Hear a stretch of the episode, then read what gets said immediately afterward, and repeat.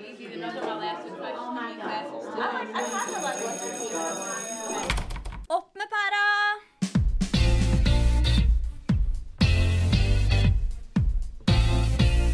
Velkommen til Opp med pæra. Den podkasten som diskuterer læring og undervisning i digitale omgivelser.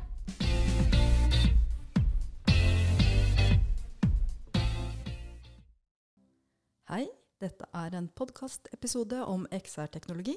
Vi er tre stykker her i dag, og den ene er Jeva Krastina. Hei, jeg er Eva, og eh, jeg er en eh, stipendiat på USN. Og jeg skal begynne å forske på syn og eh, XR-teknologier. Ja, det gleder vi oss til. Og så Toril. Ja, Toril Aagaard fra lærerutdanning i USN. Jeg jobbet der i veldig mange år. Nå skal jeg ha permisjon for å jobbe i Kongsberg Maritim et år. Eh, Og begge steder skal jeg jobbe med læring og digitalisering, egentlig. Og det er veldig bra. Jeg heter Ellen Svarverud og jobber med hvordan synet fungerer når vi bruker XR-teknologi, og hvordan synet kan påvirkes. Men først så er det jo greit å vite hva vi mener med XR-teknologi. Og det står for, XR står for Extended Reality, og det er da teknologier hvor du utvider den fysiske virkeligheten ved hjelp av digital informasjon. Og det finnes mange ulike typer, og en av disse er VR, som sikkert er godt kjent for, eh, for de fleste. Og det står for virtuell virkelighet og betyr at man bruker briller hvor all den synsinformasjonen eller hørselsinformasjonen man får, er digital. Og da lurer jeg, Eva, kan du fortelle hvilke erfaringer du har med VR? Jeg har uh, litt av erfaringen. Jeg har spilt litt spill, og uh, også spesielt eh, kjørt en uh, berg-og-dal-bane, som er veldig spennende. Det tror jeg at de fleste blir enig med meg. Man kjører ganske høyt opp i bakkene og uh, nedover for sommerfugler i magen. Det blir litt skummelt og litt ekkelt innimellom. Man føler at man har lyst til å lukke øynene for å unngå at det blir sånn altfor mange sommerfugler i magen. Du, jeg hadde bare bryte litt. Jeg hadde en student som var på Vi har noe som heter Digtech Lab eh, i lærerutdanningen. Og Der er det VR-briller og så noen spill som de kan prøve. Og et av de spillene som mange kanskje har prøvd, da, det er å gå ut på en sånn planke høyt opp i luften.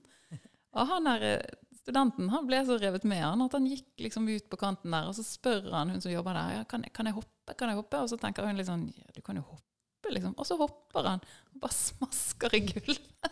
Han var så utrolig revet med. Det var sikkert gøy. eh, Eller vondt. Det ja, var det var, jeg, jeg tror det gikk bra, da, men det var bare sånn veldig overraskende for hun som jobbet der. For det var liksom Hun så ikke den komme, men han Nei. var så liksom inne i den eh, virkeligheten, da. Mm. Det bare sier som hvor mye syns- synsinntrykket har å si. Og hvordan, hvor ekte kan det føles.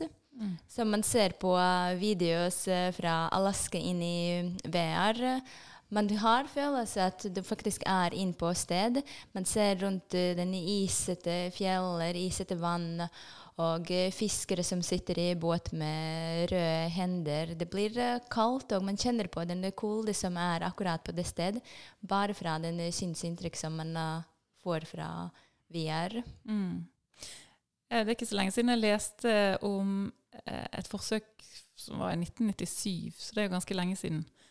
Eh, og da hadde de prøvd å bruke VR-teknologi og kalde omgivelser eh, i forbindelse med at folk som var alvorlig brannskadet, skulle skifte klær. For det var jo en veldig smertefull eh, øvelse.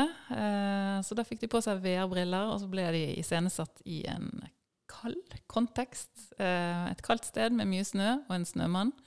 Og så skulle de eh, kaste snøballer på den snømannen mens de byttet klær. Da. Um, og det de så på målingene, var at smerte liksom sensor, altså Smerteopplevelsen deres gikk ned. Da. De både rapporterte de om det, og de kunne se i hjernen at smertesensorene var mindre aktive enn de ellers ville vært. Veldig spennende forskning. Um, og det her kunne vi jo selvfølgelig snakka veldig mye om, tror jeg. Men uh, vi, jeg har også lyst til at vi skal snakke litt om, uh, om AR. Uh, Jeva, eh, fortell litt om det. Er du Ja, så AR er en utvidet virkelighet. Så det vil si at vi er i det fysiske rommet som, hvor vi er egentlig. Og med, med AR-briller. Vi får et ekstra digitalt bilde på toppen av eh, fysiske, fysiske området. Eh, så det kan være både møbler eh, som IKEA har gjort, eh, applikasjoner og spill som eh, Pokémon Go. Det tror jeg at de fleste vet, og eh, de fleste vet ikke at de faktisk har brukt eh, AR før. Og eh, det var interessant. eh, Kanskje dere har sett på Helsekost eh, Furuset. Og en episode hvor det er, handler om eh, slankeoperasjon. Hvor eh, de får, eh, får lov å komme inn i operasjon sammen med lege. Og eh, lege setter på seg briller. Og Else spør han å, så coole briller, er det det som du trenger for operasjon? Og han sier ja, det faktisk er en uh, cool briller, som er AR-briller, som hjelper til å visualisere bedre magesekken uh, inn i mage uten å åpne hele magen. Og eh, det gjør det at det blir tryggere, raskere operasjoner. Og også mer kvalitiv og mindre komplikasjoner.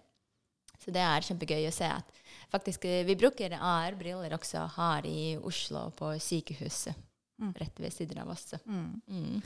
Ja, det er også spennende. Og så brukes jo AR nå stadig mer og mer i industrien. Eh, noe som vi også kunne snakka ganske mye om. Det tror jeg vi får komme tilbake igjen i en senere episode. Men uh, Toril, du har jo også noen eksempler på andre måter å bruke XR-teknologi på. Fortell litt om det.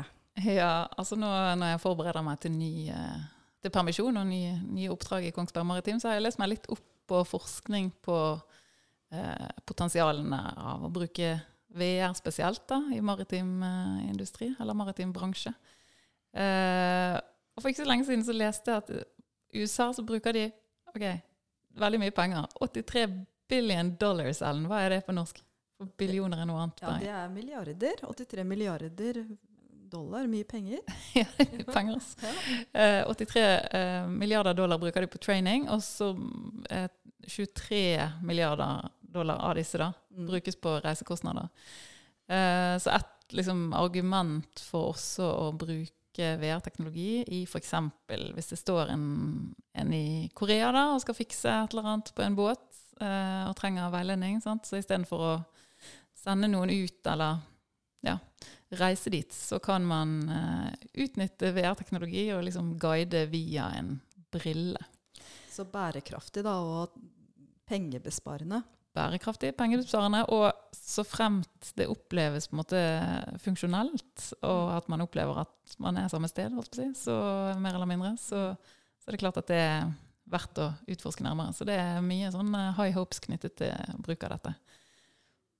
Mm. Uh, men så er jeg litt opptatt av at det ikke er sånn at man alltid trenger um, veldig dyrt sånn brilleutstyr, for å eh, Altså XR-teknologi. Det fins også måter å bli eh, Hva heter det for noe? Eh, liksom Engasjert. engasjert, iscenesatt uten en brille. Eh, I lærerutdanningen så har vi veldig god erfaring med å bruke et program som heter Teach Live, som, hvor lærerstudenter på en vanlig PC-skjerm eh, er inne i et klasserom som er digitalt, med avatarer som eh, beveger seg og snakker eh, ved hjelp av at det sitter en fyr da, og styrer disse avatarene.